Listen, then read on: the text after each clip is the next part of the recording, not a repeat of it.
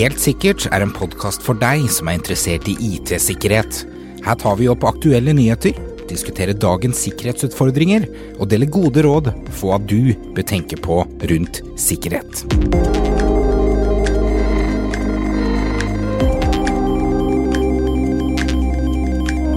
Jeg elsker bedrifter som eh, ikke har bestemt seg for å bryte spesifikke leverandører.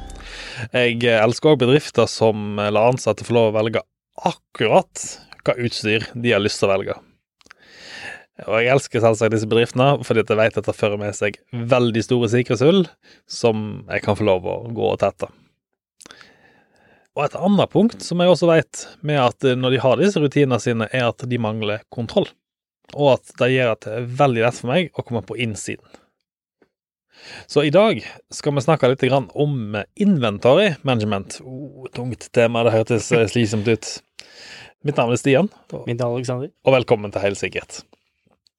Så inventory management, det er jo et forhold som de fleste av oss IT-folk elsker å hate. Fordi at uh, det bare styrer med det.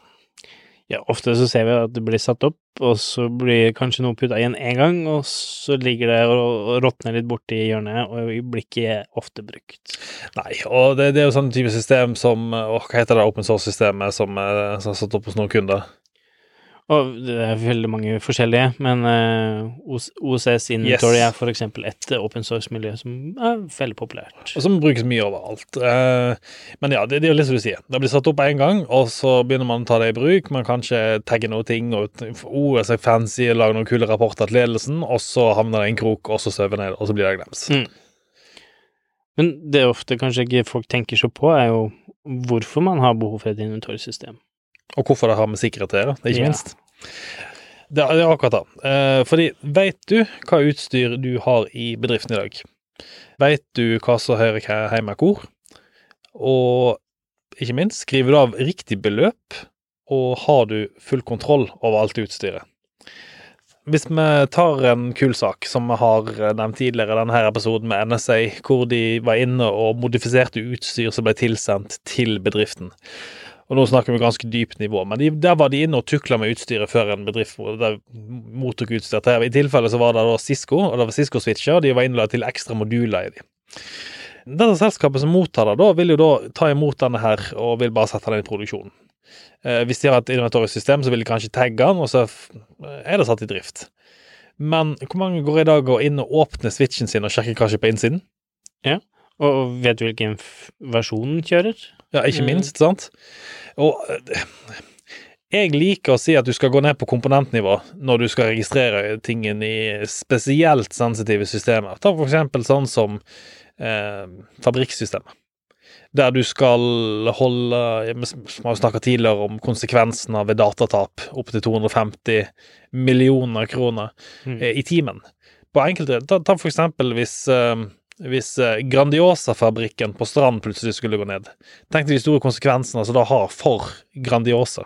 Ja, og, og for eksempel sånn som det har vært oppe i nyhetene i det siste, at uh, noen firmware-versjoner på en bestemt disk uh, holder bare i, i, så mange timer.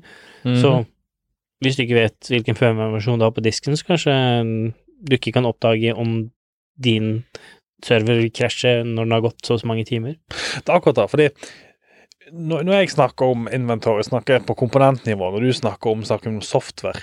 Og det kanskje det de fleste ikke tenker på der ute, er at inventory management er så mye mer enn bare den skjermen som du har foran deg.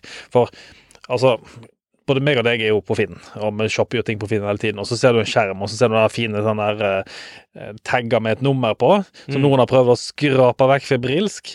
Og så står det sånn fylkeskommune, et eller annet sånt. Eh, tilhører eh, skal ikke fjernes. Og det er jo fordi at de har brukt inventorsystem for å holde kontroll på den skjermen, sant? Mm. Og det er det de fleste tenker på. De tenker på det fysiske utstyret de har foran seg. Eh, en PC-skjerm. Ja, og så hvis noen eksempel har fått utdelt en maskin til å ha hjemme, så slutter de jobben. Mm -hmm. Har man da kontroll på hvilket utstyr de har fått tildelt å bruke personlig eller hjemme eller på et hjemmekontor. Så har man ikke noe registreringssystem på det, så kan man ende opp med at data havner på avveie, fordi at man vet, vet, vet ikke hvilke type utstyr den ansatte har. Det var en sak her eh, for eh, Statoil, eller de som heter Equinor i dag. De hadde da flere datamaskiner som var kommet på avveie, så de fant på Finn. Eh, og eneste måten de klarte å spore de tilbake til hvem som eide de, var jo fordi at de hadde et inventory-system som sto at den var registrert ut på denne personen, og registrert inn igjen og satt på lager og hadde full kontroll hvor Mm. alt befant seg. Så, så en del av inventory føler jeg at det, det er å ha kontroll på utstyr, ha peil på hvor det er hen, og hvem som har tilgang til det, og hvordan det er. Eh, Et annet er jo det med litt sånn sikkerhet og, og, og hva man skal gjøre med utstyr for å vedlikeholde det, ikke sant. Yes, ikke minst. Et annet problem er jo Du nevnte at en harddisk så Vet du når den harddisken ble kjøpt? Ja, ikke sant? Når den ble kjøpt, og når den ble satt i bruk. Yes, garanti, ikke minst. Ja. Hvilken leverandør du har fått den fra. For det at de fleste må jo da gå til en, en annen leverandør eller IT-partner de har. Eh, Det er ikke sikkert at IT-partneren har kontroll på når du bestilte den, for det kan være mange år siden. Eh, Eller hvilken spesifikk supporter, support, eller kanskje du ringer til feil IT-partner til og med. Ja, og, og den disken som vi nevnte tidligere, det var hvis den hadde gått i mer enn tre år kontinuerlig, så automatisk stoppa den når det hadde gått så mange timer. Yes. Så du vet aldri når den ble tatt i bruk, eh, hvor den har vært hen. Da har du litt på en måte det om å ha inventory og asset management, da. Yes, og Det er den hardware-biten som jeg tenker på. da, altså Som jeg var på komponentnivå, du var på harddisk, eh, laptop og PC, eh, og har kontroll på hele det miljøet. Eh, og det gjør jo da at det, er en del av sikkerheten. For dette handler om hva du har, hva du eier, hva du har kontroll på. Mm. Og som du sa innledningsvis, det er umulig å sikre seg mot f.eks. tyveri hvis ikke du vet hva utstyret har. Ja, eller du, du vet ikke hvordan du skal vedlikeholde Si da at det kommer en sårbarhet for eh, en eller annen form for Cisco-utstyr. Mhm. Du har kanskje en 20-30 switcher i nettverket, men vet ikke hvilken type switcher det er, og hvor de er hen. Yes. Og da, Eh. da går vi på punkt to, sammen med inventory, altså, inventory management og ERA, nemlig software asset management. Mm. Eh, programvare. For nå, la oss si at du da har eh, tatt i bruk OSSM. Eh, Open Source Software Management, tror jeg det heter. Uh, og så har du registrert alle laptopene i bedriften din. Du har vært superflink, kjøpt sånne labelmaker og klistra på og tagga alt. Åpna opp alle PC-ene, tagga harddiskene, ikke minst. Mm. Kanskje du til og med tatt noen av de viktigste komponentene som du har. Uh, tagga de, skjermer, tastatur. Du har vært superflink. Og så tenker du, har du kanskje ikke tenkt på Oi, hvilke programvarer er det vi har? For du har jo også lisenser. Og lisenser er jo noe som da er kanskje virtuelt. Du har digitale lisenser, noe som faktisk hører til bedriften, men som ikke du fysisk eier. Mm. De må du ha kontroll på. Så software, programvare. Software og lisenser, Um, men også veldig mye sånn som når det kommer til software, og, og en del hardware også. Det kommer sårbarheter i forskjellige varianter. Yes. Åssen oppdager du om du har den versjonen av, sår, av sårbar software? Mhm. Og sånn som jeg har opplevd mye i det siste, med, med type prosessorer som har sårbarheter. Ja. Hvis du ikke da har et inventory over hvilke maskiner som har den og den type prosessorer, og, og at du da må gå ut og kanskje oppdatere firmware og sånne ting på dem. Ja, altså, Vi jo, var jo borti den Intel-saken du, du nevner her, som kom for et par år siden. og Vi var jo borti IT-partnere som manuelt måtte gå gjennom alle servere og alle klienter hos kundene sine for å sjekke om den prosessoren som var i det systemet, eh, var sårbar for denne her eh, da, exploiten som kom. Mm. Um, og det er jo en tidskrevende prosess. Kan du tenke deg, da er en IT-partner som kanskje har 10 15 20 000 eh, endepunkter, så de må gå gjennom kanskje en 5000-6000 servere som manuelt må sjekkes. Eh, og noen av disse er kanskje store VMware-servere og store clustere. Ja, og så kunne det kanskje bare være kanskje et titalls maskiner du måtte egentlig gjøre noe med. Yes. Hadde du hatt et ordentlig inventorsystem, så vet du hvilke maskiner du har nødt til å gjøre noe med, og du kan lett kartlegge det. Og da vil du egentlig, som du sier, gå tenk, bare søk til å finne prosessoren som er sårbar, og så får du en oversikt med en gang over alle de sårbare komponentene i løsningen, og ta, ta det ti sekunder istedenfor ja, uendelig antall timer, egentlig, for da da vi ikke tenker på at dette skjer jo hele tiden. Vi nevnte Intel som sårbarheten på pressprosessor, men forrige uke så kom jo Chrome med en alvorlig sårbarhet, og før da så var det Firefox. Ja, og vi har hatt mange sårbarheter som kommer opp, og, og kanskje Zero Days og, og sånne ting som ikke blir patcha automatisk. Chrome og Firefox og sånne ting har jo ganske automatisk oppdateringsregime, men, men kanskje ikke er up to date alltid. Men andre software, da, som, som kanskje manuelt må oppdatere, som er en, enda viktigere å kartlegge, og kanskje finne ut hva du er nødt til å gjøre, og, og sette i gang rutiner for å oppdatere de, og tette igjen de sårbarhetene du har. Og så er det jo operativsystemet, ikke minst. Altså, hvor mange kan der ute nå i dag med hånden på hjertet, eh, hvis jeg hadde still, gått og stilt spørsmålet hvilke operativsystem har du i bedriften? Ja, og, og noen vil jo si kanskje vi har bare det og det på de ti maskinene jeg logga inn på hver dag, Mhm. men hva med den maskinen som sto og registrerte noen ting i, i resepsjon? Hva Yes. med den maskinen som står og administrerer noen eh, systemer et helt annet sted, som du nesten aldri er inne på? Ja, Den kortleseren, den som produserer kort, adgangskort til systemet ditt, for eksempel, den som du aldri er den som kjører Windows XP fordi at det bare programmet støtter bare Windows XP. Ikke sant? Og, og hvis ikke du kan kartlegge og ha full oversikt på alt det her, så vet du aldri hvor det svakeste leddet ditt eh, for å komme inn i bedriften er. Og det er sant at De fleste typer inventory-system har jo en eller annen type discovery-funksjon som gjør at de kan du installerer det på en PC, og så søker han i nettverket rundt hva han finner og hva han snakker med, Mm. og så jobber han seg videre derifra og så sprer seg ut i nettet. Så det er jo ikke snakk om at du må Du må jo ikke vite om alt før du installerer et sånt type system. Nei, og, og i hvert fall begynne å installere det, så man begynner å få oversikt. Og et inventory-system har ikke bare med maskiner eh, å gjøre, ikke sant. Vi nevnte det her med kortskrivere, Mhm. switcher, rutere. Alle de tingene her må jo jevnlig oppdateres, jevnlig holdes ved like. Kanskje du har serviceavtalen på nettverksutstyret har gått ut, så du må fornye, eller i hvert fall være klar over at det skjer det noe, så vil det da komme en ekstra kostnad på det, ikke sant. Det, det er jo det, og de fleste, eller ganske mange nå beveger jo seg ut i skya, og så tenker de at ja, men da trenger ikke vi noe sånt inventory-system, men du kan tenke deg sjøl. Du må fortsatt, brukerne må fortsatt ha en måte å aksessere skya på, så de må jo ha en klient, de må ha et endepunkt. Ja. Eh, og så har du jo også tjenester som eksisterer i skyen. Altså, selv om du flytter en tjeneste fra den lokale serveren som ligger på da datarommet ditt og opp til Microsoft, så betyr jo ikke det at den ikke eksisterer noe plass lenger. Den vil jo ha tjenester, den vil jo ha programmer som kjører på samme måte.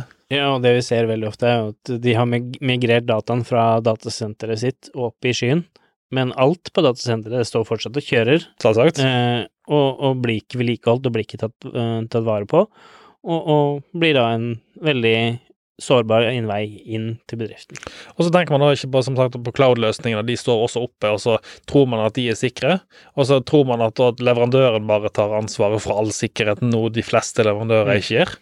Og, og vi ser jo oftere og oftere at uh, man setter opp en ting, sånn som veldig, vært veldig mye i media, en uh, S3 bucket eller et eller annet sånt som inneholder data, og så har man glemt å gjøre noe med den, den bare ligger der, så kanskje noen har skifta IT-partner eller har skifta IT-ansvarlig eller et eller annet sånt som ikke er klar over hva som finnes, og har null kontroll på hva som faktisk eksisterer der i dag. Så vi er nå flinke å snakke om cloud og alle disse løsningene, men altså, ta en fabrikk da, for eksempel. Som, som for eksempel Grandiosa. Nå, av en eller annen grunn så fikk jeg lyst på Grandiosa i dag, så nå har jeg Grandiosa på hodet. Um, hva skal, du ha til middag i dag? Nei. Uansett, nå skal ikke vi snakke om middagen til eh, Stian i denne podkasten her. Eh, men eh, ta for eksempel en sånn type fabrikk som Grandiosa. De må jo da ha kontroll på alle leddene og alle innholdet i systemet sitt. For det første, du snakker om garanti på harddisk, og kan tenke på komponenter og sånt i et industrielt kontrollsystem. Der du skal ha full kontroll på alle komponentene. Men ikke bare da. Hvis vi, hvis vi tar den eh, åh, den eh, Stuxnet-saken som, eh, som Iran hadde, så fikk de jo et virus rundt på eh, kontrollsystemene sine. Mm. Men hva hvis noen hadde bytta ut en komponent i kontrollsystemet?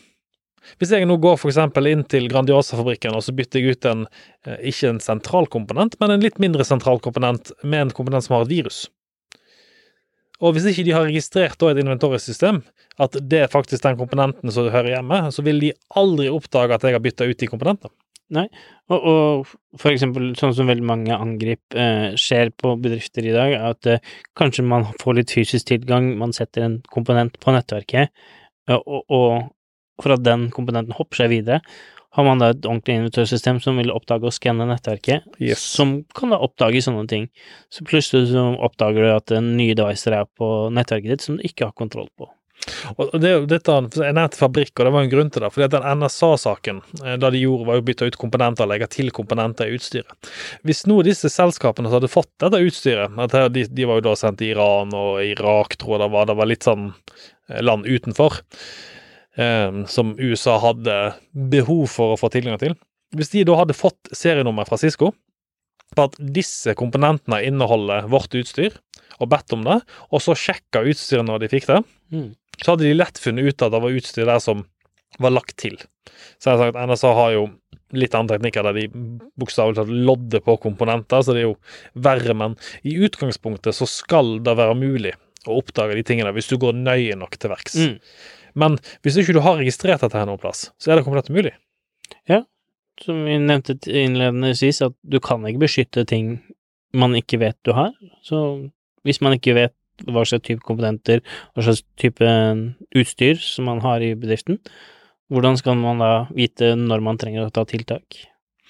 Og det, det er to angrep som skiller seg ganske godt ut i historien når det kommer til inventory management system. Det ene er eh, National Health, Health Service, eh, som er det britiske eh, eh, hva blir det? Helse Vest? Helse, helsesystemet, da. De fikk i 2017 så ble de angrepet med WannaCry, mener jeg det var. 2017 eller 2016. Eh, som da slo ut eh, det meste av eh, IT-tjenesten deres, blant annet over 600 datamaskiner på forskjellige operasjonssaler ble låst ute. Og da snakker vi ikke om endepunktet, her snakker vi om eh, maskiner i operasjonsrommene. Mm. Eh, ganske kritisk. Jeg kan jo gjette hvorfor akkurat de maskinene ble slått ut av. Ja, de, de gikk jo veldig målretta til verks mot de maskinene.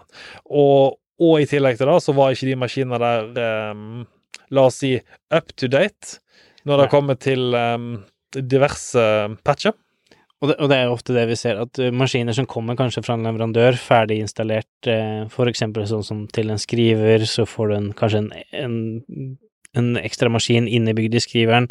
Uh, sånn som på røntgenmaskiner, så er det kanskje en Windows-maskin som er innebygd for å gjøre Yes. tjenester og sånne ting.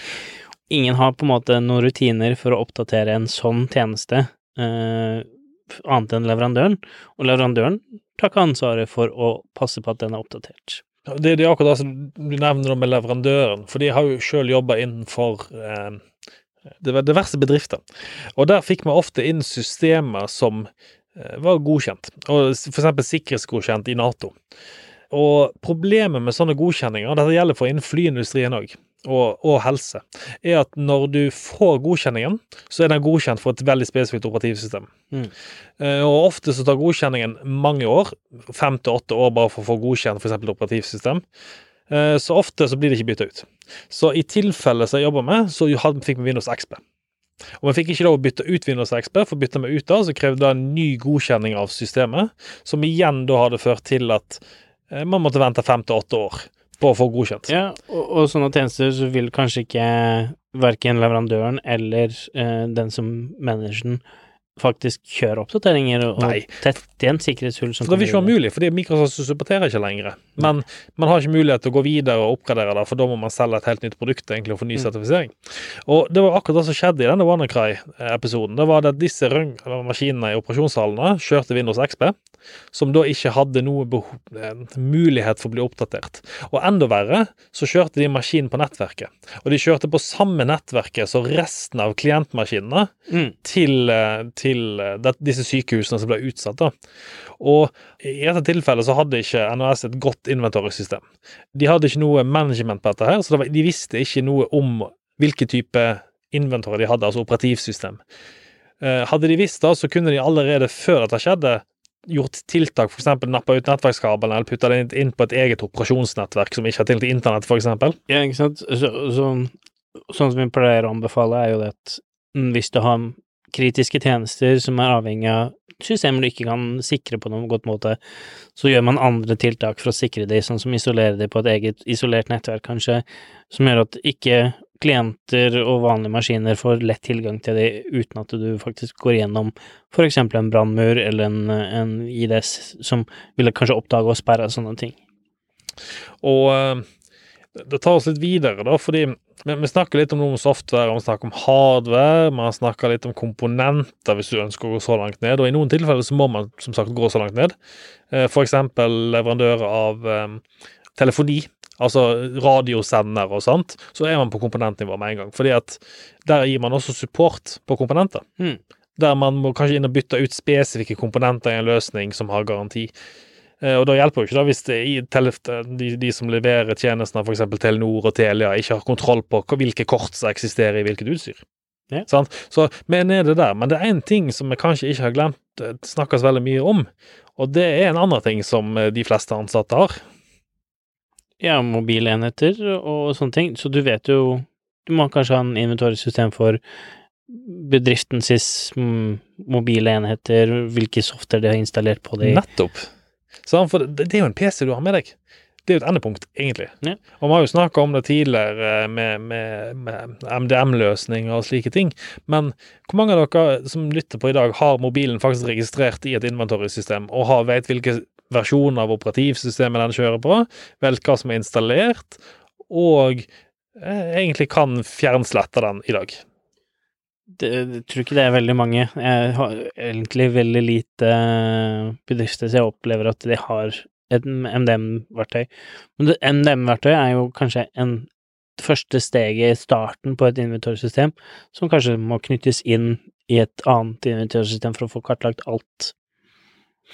Så mobilløsninger er jo som sagt litt spesielt, men vi kan ta det enda mer videre. Eh, tastatur og mus. Eh, Rubber Ducky hva var det? Ja, det, det, er jo en form for tastatur og mus du kan automatisere og, og få til å gjøre ting. Så du kan programmere en, eh, noe som ligner på en USB-stikk til å starte en malware eller en, en tjeneste bare med å stikke den i PC-en. Og, nå kom både du og meg har jobba med sikkerhetsgraderte systemer. Uh, og Der går jo vi inn og spesifiserer hvilke type mus og keyboard fra hvilke leverandører du skal få lov å kunne bruke på systemet. Fordi mm. at du skal ikke kunne sette inn en USB-penn uh, og så bare kunne bruke den uten videre. Det er veldig regulert hva du skal bruke. Så, så kan du stille spørsmålet Hvis du som bedrift uh, har standardisert på utstyr, og dette her var det, grunnen til at jeg sa i begynnelsen at jeg elsker bedrifter som ikke er standardisert, som lar det bare gå ut og plukke fra hylla. Fordi hvis du ikke har standardisert, så kan du bruke hva som helst. Men hvis du har standardisert, og du har bestemt at du skal bruke Logitech-tastatur, og du har fem Logitech-tastatur i lista di, det er de, de brukerne kan velge mellom, hvorfor ikke du bare begrensa at du ikke skal bruke en tastatur på løsningen? Ja, for da forhindrer du at uh, kanskje en, en, en, ansatt setter igjen USB-stikk eller setter inn noen ting yes. som vil gjøre noen ting som ikke du har kontroll på. Eller for eksempel mus. Du har bestemt at du skal kunne bruke disse ti leverandørene, eller den type utstyrene og så ferdig. Så bare blokkerer du resten. Og det, det er litt moro, fordi at når vi jobber med brannmurer, så var jo litt policyen før allow all then block. Um, som vil si at du bare åpner opp for alt, og så blokkerer du det som er skummelt. Nå har jo det endra seg de siste årene til block all then allow. Med andre ord, i utgangspunktet blokkerer du bare alt, og så tillater du de tingene du veit er sikkert. Mm. Hvorfor gjør vi egentlig ikke det på tastatur og mus? Hva, hva, det, det, er jo ikke noen grunn til det, egentlig. Nei, det handler egentlig bare om egentlig alt du kobler til på USB. Yes. Ikke bare tastatur og mus, men USB-sticks, eh, at man faktisk bruker en USB-stick som er sikker, mm -hmm. ikke noen ting som inneholder et ferdig malware på seg. Du kan ikke plukke opp en USB-stick i parkeringsplassen og bare putte inn maskinen. Så, og, og, og, ja, det, det, det, er jo ganske fint, fordi hvor mange av dere der ute har nå funnet en USB-stikk ute og bare plugga i PC-en for å sjekke hva som er på den? Eller enda verre, bare fått den fra en ansatt. Kan ikke bare sjekke hva som er på denne? Vi kan jo gå inn på detaljnummer. Vi kan spesifisere hvilke serienummer som skal være godkjent på USB-sticks, f.eks. Mm. Vi jobber med som sagt graderte plattformer. Der går vi inn og spesifiserer den leverandøren med disse serienumrene, som vi allerede har preformatert og gjort klar for brukerne, skal kun kunne brukes på disse og disse løsningene. Vi kan til og med gå ned på PC-nivå og si at den USB-stikken skal kun få lov å brukes med den PC-en. Uh, og da har vi allerede sikra de der angrepene med rubberducker, der du kan bare plugge til hva som helst. Ja, og, og flere og flere enheter i dag. Noen, vi har så mye mikrochip-ting blir jo mer og mer at du kan emulere allting når du kobler til USB. Yes. Har nylig kjøpt meg noen nye sånn home automation system. Alt det du kobler på USB, der eh, kan du programmere om det skal være da en USB, eller om det skal være en tastatur, eller hva det skal være. Så nei, og igjen da vil man ha registrert disse USB-padene i et inventory-system, slik at du har oversikt på hvem som har fått hva. Mm. Dette, dette her er jo, For meg så er det litt sånn normalt som kommer fra den delen av bransjen. Den, den De som allerede er paranoide fra før av, for å si det sånn. Ja. Men og, du jo- har jobba i Forsvaret, sant. Du kjenner jo til den paranoiditeten som folk har. Ja, og, og litt av problemet her er jo at man må begrense hva brukerne har mulighet til å gjøre. Ja. På på en, eller ha i hvert fall kontroll på hva brukerne gjør, Yes. sånn at man kan ta actions når det er tilfeller der ting skjer. Altså, Vi vil jo ikke lage hindringer for brukerne. Det er kanskje da de fleste tenker på at de bare skal blokke alt. Vi har jo lyst til å gjøre det enklest mulig for brukeren å forholde seg til systemet på. Mm. Og det, det gjør jo vi med å kunne si at disse tre leverandørene er godkjent, disse tre, disse tre, dette her er bolker, lage en produktkatalog for eksempel, som baserer seg på inventorsystemet, som du allerede har.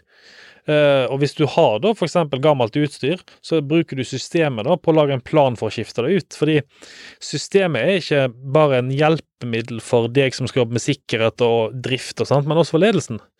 Fordi IT-utstyr skal jo kunne skrives av.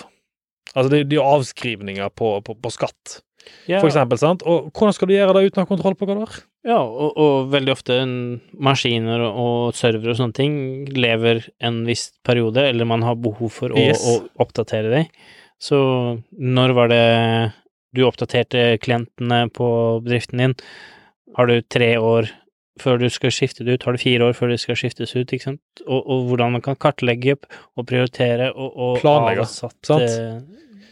Altså, hvis, jeg, hvis jeg stiller noen spørsmål, hvor mange der ute nå har Hvor mange av dere som jobber med IT, har i dag oversikten hvilket utstyr som må byttes ut til neste år? Eh, og kan i, Hvis jeg hadde stilt et spørsmål hvor mye penger trenger du til neste år for å skifte ut eh, klientene deres, og kunne svart meg direkte, bare sånn klikk da, det, burde jo vært en enkelt svar, fordi at hvis du vet hva som er kjøpt, du vet hvor gammelt det er og når utskiftningspolicyen, så kunne du si at i år må jeg kjøpe 100 laptoper. Og så må du sette plusser på prosenter, for det er litt vedlikehold og litt sånn inn og ut. Men det, det er sånn beløp og et tall som skal være veldig enkelt for en IT IT-sjef å finne frem til. Og like enkelt, eh, hvilke maskiner var det som kjørte Windows Update forrige uke? Yes, ikke minst. Hvor mange maskiner har det som kjører et sårbart software? Hvor mange maskiner er det som har hardware som går ut eller ikke funker? Ja, eller enda bedre, en firmware-versjon som er gammel, for eksempel. Eh, Jeg kan garantere hvor mange Hvis du har HP i dag, eh, og Dell Dell kjører jo Idrak og HP har ILO, men det er en programvare som sjelden blir oppdatert ute i bedriftene. Ja, og vi ser at det er mange sårbarheter i de plattformene også. Så kobler man de på nett uten å ha de avskilt fra et annet nett, så er det sårbarheter som kan enkelt gi deg full tilgang til management av en server uten å ha noen form for brukernavn og passord. Ja, ta ILO, for eksempel. da. Beste tingen er med den, er at den er satt opp med DHCP som standard, slik at den forventer å få en IP på DHCP. Eh, Så alt du trenger å gjøre, er å ta en laptop, koble til på ILO-porten på baksiden, gi en IP til den, den får en IP, og så kan du aksessere den da via den IP-adressen som den får. Den står mest sannsynlig med default brukernavn og passord, som standard fra leverandøren. Ja. Admin, admin. Så logger du bare på med den, og der får du tilgang til KVM på serveren. Ja, Eller eh, som det har vært eh, flere versjoner av generasjoner tilbake med ILO, så har det vært sovebretter som kan gi deg tilgang. Yes. Sånn, Så, så Og det, da alltid trenger du fysisk tilgang til den serveren. Og jeg kan garantere at du kan vandre rundt på ganske mange datasenter og få tilgang til ganske mange rekk og ILO-er bare ved å uh, Eller uh, for de aller fleste som da bare kabler den inn, ikke bruker den, Ja. så du kan bare Så fort du får tilgang på nettverket, så, så har du Eller tilgang til en maskin på nettverket, så kan du enkelt hoppe deg videre for å komme inn på sånne ting. det, Som jeg sa, inventory management eh, det er et det er litt sånn kjedelig tema. Det er egentlig ikke et kjedelig tema, og det kan bli et godt verktøy for både for deg som IT-ansvarlig, som sikkerhetsansvarlig, og for deg som IT-sjef, som skal snakke med, med ledelsen. Mm. Så, så bruk disse verktøyene for alt det er verdt. For eksempel, andre spørsmål jeg kan stille. Vet du hva som skjer etter fem år med mesteparten av utstyret? Vet du hvorfor man bytter ut, utstyr etter fem år normalt sett? Det er vel fordi det blir for dårlig, og man må gjenvinne Nei, faktisk ikke. Utstyret er faktisk fullt brukende, men etter fem år så tripler supportkostnadene seg fra leverandørene. Jo, Så mellom eh, fra én til fem år, det er normal levetid på utstyr. Etter fem år så tripler supportkostnadene seg, fordi at leverandørene vil jo ikke ha support på utstyr som er eldre enn fem år, for det koster ganske mye. Mm. Så du kan si at fra fem til syv år så har du en tripling i supportavgift, og etter syv år så slutter de fleste å slutte å supportere utstyret. Ja. Og da, da, da kjører du på usupportert utstyr. Så de fleste bedrifter har en utskiftingsrutine som sier at hvert femte år så skal alt utstyret være byttet ut. Mm. Så da kan jeg stille dere spørsmål der ute. Hvor mange av dere kjører nå eh, HPG7-servere, som eh, var end of life for ganske mange år siden? Eh, hint, hint. HP er på G10 eh, nå på de nyeste serverne sine. det, Innenfor sikkerhet så er jo et av de tinga som vi ser som prioritering én, er jo da å kartlegge, og så du får full oversikt. Og Yes. det er jo det din inventorsystemet gjør for deg, ikke sant. Og det er jo første steget, faktisk. For det hjelper ikke å putte på sikkerhet på plattformen din hvis ikke du vet hva du har, og du sa det innledningsvis. Hva vet du hva sikkerhetsløsninger du skal kjøpe? Hvis ikke du vet hva du skal ta vare på. Altså, du går jo ikke bare ut eh, Ta huset ditt, for eksempel, og så kjøper du den dyreste sikkerhetsløsningen som finnes på markedet, med bevæpna vakter som står foran huset ditt, eh, når du egentlig ikke har verdier i det hele tatt i huset. Du trenger kanskje bare en boligalarm fra, fra, fra et enkelt leverandør. Og som vi sier, at det er det svakeste leddet som blir angrepet først. Så hvis du har den siste oppdaterte maskinen, og alle brukerne dine kjører det siste og beste beskytta antivirus og alle sånne ting på klienten, men så har du to servere som kjører 2003 uten å bli patcha, Mhm. noen ting. Da er det selvfølgelig de 2003-serverne som blir angrepet først, og, og, og, og på den måten kommer inn i bedriften. Så blir, da blir leddet inn, rett og slett. Så, så hadde, og hadde du hatt visst at de serverne der eksisterte, eh, så hadde du sikkert gjort noe med det, eller gjort tiltak for å gjøre noe med dem. Eh, Som man snakker om segregering av nett og eh, eh, Det handler ikke alltid om å fase ut tjenestene, men sikre rundt dem. Bygge en mur rundt de tjenestene slik at man har kontroll på dem. Tilpasse sikkerheten ut ifra sårbarheten de har. Så da tenker jeg egentlig var alt for i dag. Jeg håper ikke det var en altfor kjedelig eh, episode. Um, Jeg syns det er veldig morsomt, i hvert fall fordi jeg ser inventoriet som et veldig behov for sikkerhet. Ja, det gjør jeg òg. Og det, det skal sies at ganske mange leverandører nå kommer med type inventorsystemer som hjelper deg å få kontroll. F-Secure de kommer med noe i om et par versjoner som snakk om at de skal komme med et inventorysystem som, gir, som brukes for å kartlegge. Og de bruker også disse informasjonen til å eh, lære seg til systemene. I Sofos så kan du også hente ut inventory. Mm. Uh, Symatec er ikke sikker på Nå har jeg ikke vært inne i Summatek på ganske mange år, så godt mulig at de har kommet nå, de òg. Mm. Eh, trend har iallfall. Så, så leverandørene kommer med det. Ja, og, og det som er veldig viktig å mm, tilpasse på det, er jo at det, det handler ikke alltid bare om inventory på endpoint, med server og klienter og sånne ting, Alt andre. men alt andre i tillegg. Yes. Skriveren som befinner seg på nettverk, som, som lett kan bli brukt for å komme inn i bedriften. Mhm. Alle ting som faktisk kobla på nettverket ditt, er behov for å ha et nett, inventorium inventory over, og, og vite og ha kontroll på hva som kjører på de. Så Vi skal avslutte da med å gi noen tips, som, eh, som alltid gjør her i slutten på eh, episoden vår, helt sikkert.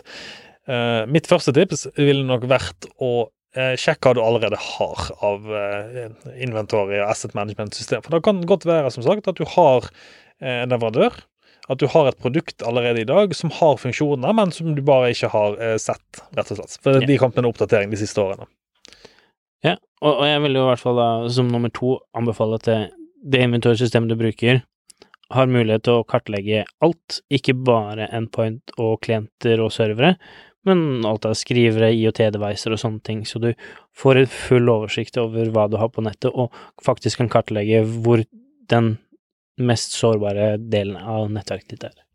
Så, så mitt andre tips vil jeg bruke bruk eh, funksjonene til inventory-systemet for å planlegge. Eh, bruk det for å, eh, som et verktøy mot ledelsen for å faktisk få støtte for de tiltakene du ønsker å gjøre. Har du f.eks. behov for å bytte ut Cisco-switchene som er syv år gamle, så er et inventory-system helt perfekt måte å gjøre det på, fordi du kan også da sjekke hva det koster for nytt utstyr i forhold til gammelt utstyr, og så kan du da spille inn f.eks. hva det koster nedetid hvis dette utstyret da forsvinner. Hva skjer hvis da kontoret der blir stående uten nettverk i et, en måned f.eks., eller en uke, eller ti dager, to dager, én dag? Ja. Og det jeg ser stadig, at uh, switcher for eksempel har ikke blitt oppdatert på de siste seks-sju åra. Ja, det, det, er ikke noe uvanlig om vi kommer borti, for å si det sånn. Så det, det er nok kanskje de to tipsene jeg vil ha. Har du et siste tips? Uh... Nei, altså, jeg tror nok det viktigste er å ha et oppdatert eh, inventorsystem, et system som kanskje gjør seg sjøl veldig automatisk ikke noe som du gjør én gang, og så glemmer du det helt. Nei, det ha, et, ha et live oppdateringssystem som uh, skanner, analyserer og oppdaterer seg daglig. Da må du også være brukervennlig. Da. Så, ok, da har jeg et tredje tips. Uh, du sier oppdatert system. Lag også prosedyrer og rutiner som er mulig å følge. Så, så for eksempel en enkel sak som at når utstyr leveres ut, så registreres det inn i systemet. Når dere får inn noe på lageret, så registrerer det inn i systemet. Og bruk det aktivt, men bruk det som et verktøy for å hjelpe IT-ansatte deres. Mm. For, å, for at det skal gjøre hverdagen lettere. Eh, for eksempel, istedenfor at de må manuelt, bruk strekkodeleser for å skanne inn og ut. Eh, ikke, ikke lag kompliserte systemer som ingen tar i bruk. Tenk som at disse folkene vil ha det enklest mulig og skal være et støtte for arbeidet du skal gjøre. Og da, da vil det bli brukt òg. For jeg vet jo sjøl at hvis jeg kan bare bip, og så vær så god, og så bip ansattkortet, bip på utstyret, og så er jeg registrert ut på ansatte. To, to, to ting. Ja. Enkelt. Har du oversikt, og du, du får kontroll på ting. Yes. Så ja, det var det for i dag. Eh, det skulle egentlig bli en kort episode i dag, men eh, du vet når meg og deg begynner å mase sammen, så sitter vi og snakker evigheter. Yes. Eh, så kort og kort. Men ja, jeg tror tre uker inne nå på hjemmekontor har ødelagt oss litt, så nå trengte vi å få mase litt, begge to. Så, men ja, dere får nå håpe dere koser dere på hjemmekontoret ute. Hvis du hører denne episoden her etter at hjemmekontoret er over, så er vi veldig glad for at eh, du hører på, og vi er veldig glad for at du er tilbake på jobb, for vi savner også jobben veldig masse. Yes. Ha en eh, god dag. Ha en god dag. Ha det bra. Ha det bra. Podkasten Helt sikkert er laget av Cybron Security og produsert av Shaw Media. For mer informasjon om IT-sikkerhet, gå inn på cybron.no, eller så finner du oss også på Facebook under navnet Cybron Security. Vi tar gledelig mot innspill, tips, eller om du har spørsmål rundt din IT-sikkerhet.